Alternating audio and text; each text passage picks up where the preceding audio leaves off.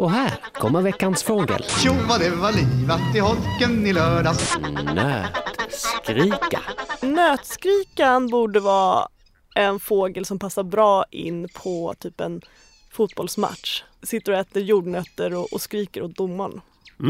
Det håller jag helt och hållet med om.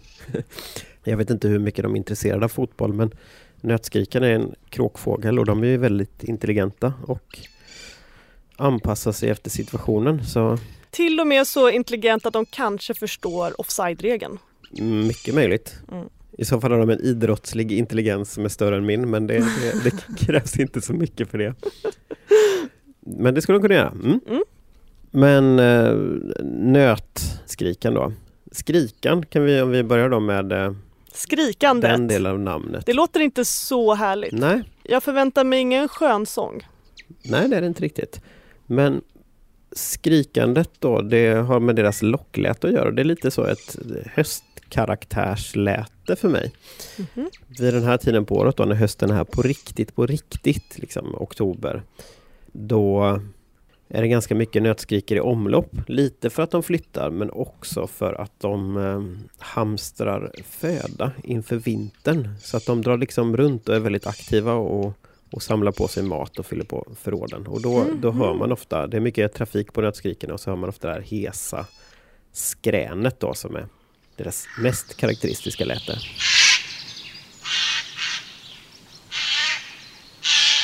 Ja men det här känns väldigt kråklikt. Det är lite kråklikt.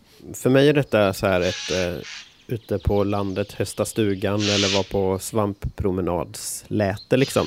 Mm. Trattkantarell och nötskrik är en, en grå dag med lite, lite gula löv sådär. Mm. Mm. Ja, det gillar jag. Är den lite som ekorren då? Flyger runt och samlar hasselnötter och, och lägger den i små gömmor eller? Ja, så är det. Och framför allt är det så. Och det är väl där om vi går in på andra delen då, nötdelen. Hasselnötter är inte på något sätt en huvudföda, även om det absolut kan förekomma. Men det de framför allt då hamstrar, det är ekollon. Det är det stora huvudvinterförrådsfödan då. Är den också viktig för ekens eh, spridning?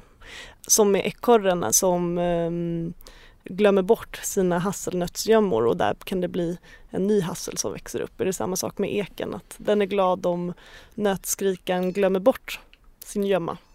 Det stämmer alldeles utmärkt. De sprider ekollon och sen är det naturligtvis så att de hittar inte allting igen som de har gömt eller så kanske de tvingas dra vidare för att det är för dåligt väder eller att de dör eller någonting annat då. Det finns massor av olika anledningar till att de inte hittar det som de har stuvat undan. Och det här har man gjort lite teststudier på då om man, eh, i områden där man vill återintroducera ek. Så man har faktiskt gjort så att man har ställt ut ekollon, liksom tunnor med ekollon. Mm. Eh, och så har man kunnat studera då hur, hur ekskott har kunnat eh, man har kunnat följa upp det då och mäta hur de sprider sig i landskapet. Och det funkar absolut. Så det, det är ett sätt att återintroducera ek utan att plantera själv. Ja, ja men toppen. Sådana djur älskar vi som eh, gör sådana stora tjänster för Mm. ekosystemet. Och det är ganska, om man tänker sig ekosystemet då som, ja, som ett, det är ett väldigt komplext system såklart. Så alla arter bidrar ju på något sätt eh, till hur saker och ting hänger ihop. Men, men här är ett sånt himla konkret och tydligt exempel på, här är en art som En bidrar. nyckelart. En nyckelart, ja. Mm. Mm. Mm, Okej, men då misstänker jag att nötskrikan är i stor utsträckning en stannfågel som stannar kvar i den kalla skogen och som du säger nu jobbar på för att eh, kunna ha det så bra som möjligt under den hårda vintern. Mm. Och då kommer jag med det klassiska svaret här då. Att Det beror alla- på! Det beror på. Nej men här, jag tror att nere i, i, i södra Sverige där jag befinner mig så Mm. stannar nötskrikorna kvar. Men det kan fyllas på norrifrån. Ha, vad har du mer för roligt att berätta om eh, nötskrikan? Jo, nej men vi kan fortsätta med eh, lätena bara så att vi lite kommer färdigt med den. Mm. För med nötskrikan så finns också väldigt, väldigt klassisk förväxlingsrisk. Eh, Jag vet inte om du minns ormvråken, hur den låter? Ja, men det var den jamade på ett obehagligt Precis. sätt. Det var roligt, min dotter hörde det avsnittet och för varje sånt där jam skrek hon nej! Nej, för att Ja. tyckte det lät så obehagligt. Mm. Och det behöver faktiskt inte bara vara från ormbråkar man hör det lätet utan det är väldigt vanligt att eh, nötskriker härmar också. Det känns konstigt. Ja. Jaha. Och den härmar med flit eller? Eh, Ja, det gör de. Alltså varför de härmar ormbråk så just så mycket, det, det vet inte jag i alla fall. Kanske för att skrämma bort eh, ekorrar och andra konkurrenter om eh, nötterna. Mycket, mycket möjligt. Absolut. Mm. Absolut. Men det finns ett litet knep då för att Mm. liksom utröna vad det är man hör. Och ormvråken, när den har det här lätet så gör den oftast det när den är uppe och seglar, liksom, om den är uppe och flyger mot himlen. Om man hör det lätet från en ormvråk så hörs det uppifrån och man ser ofta en ormvråk som ligger och flyger. Medan eh, från nötskrikan så hörs den inifrån dungar. Mhm. Så man hör den liksom från skogen.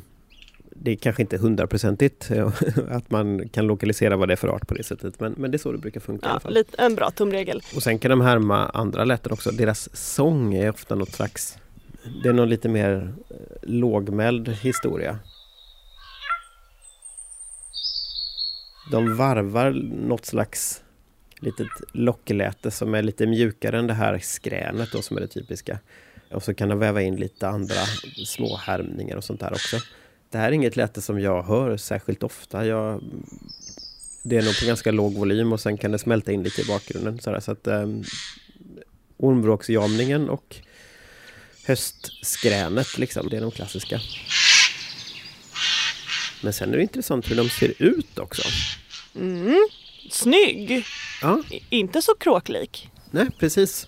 Alltså, för när, när jag tänker kråkfågel så tänker jag väldigt mycket gråskala och framförallt liksom svart och grått sådär. Eh, Ganska robust och så också. Mm.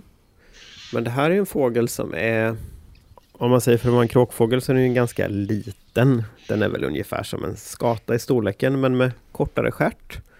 Men sen färgen då, jag vet inte riktigt hur man ska beskriva den. Här kommer ju min nackdel som färgblind in.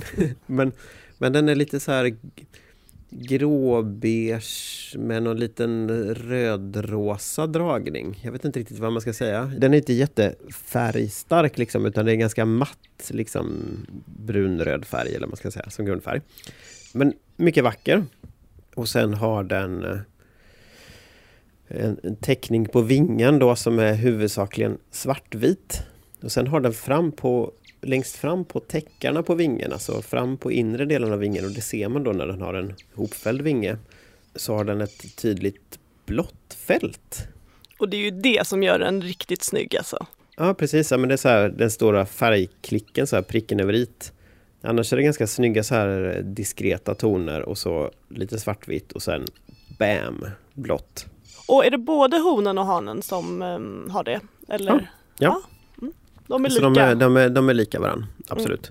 Och sen har de i övrigt Huvudet går väl lite mer mot rent grått kan man säga, så någon liten så svart De har typ som en mustasch men inget hår i övrigt på huvudet. Lite så den looken som, som vissa män kanske kör. Just det. Rakat Mm. huvud och sen eh, ansiktsbehåring. Mm. Och en ordentlig, alltså en, en så här trubbig näbb som verkar helt rätt för en nötätare. Mm.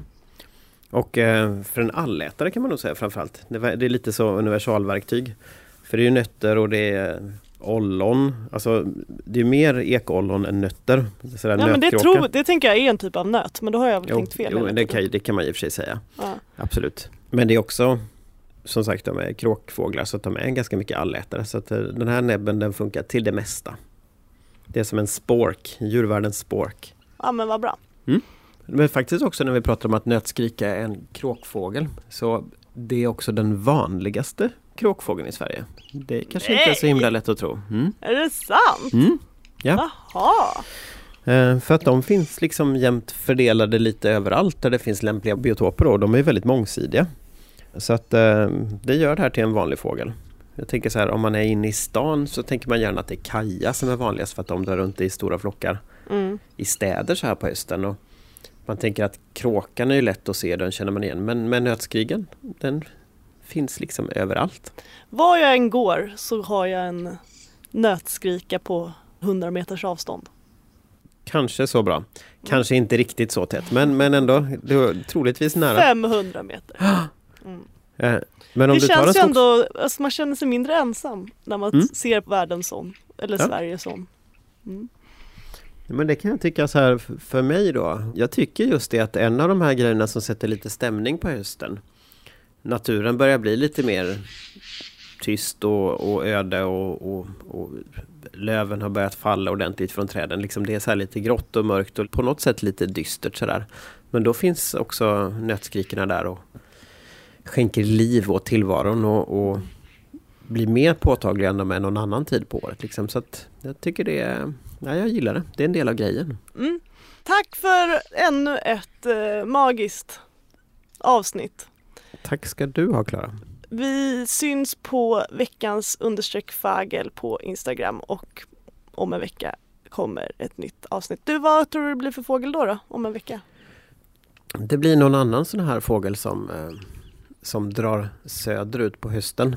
Eh, så det blir någon, någon svensk häckfågel som antingen kommer dra vidare eller som samlas i södra Sverige över vintern. Och- Anders, du är en det- expert på tisa. Du, Ja, ja, du skulle ja. inte få tror- jobba på Aftonbladet med att generera klick. Nej, nej. nej. Nej men det kanske blir någon, någonting som någon av flera arter som kan tänka sig äta rönnbär. Oj, ja, Mm. ja, jag vet inte om det blir bättre av det. Men vi, eh, vi hörs om en vecka. Ja men det gör vi.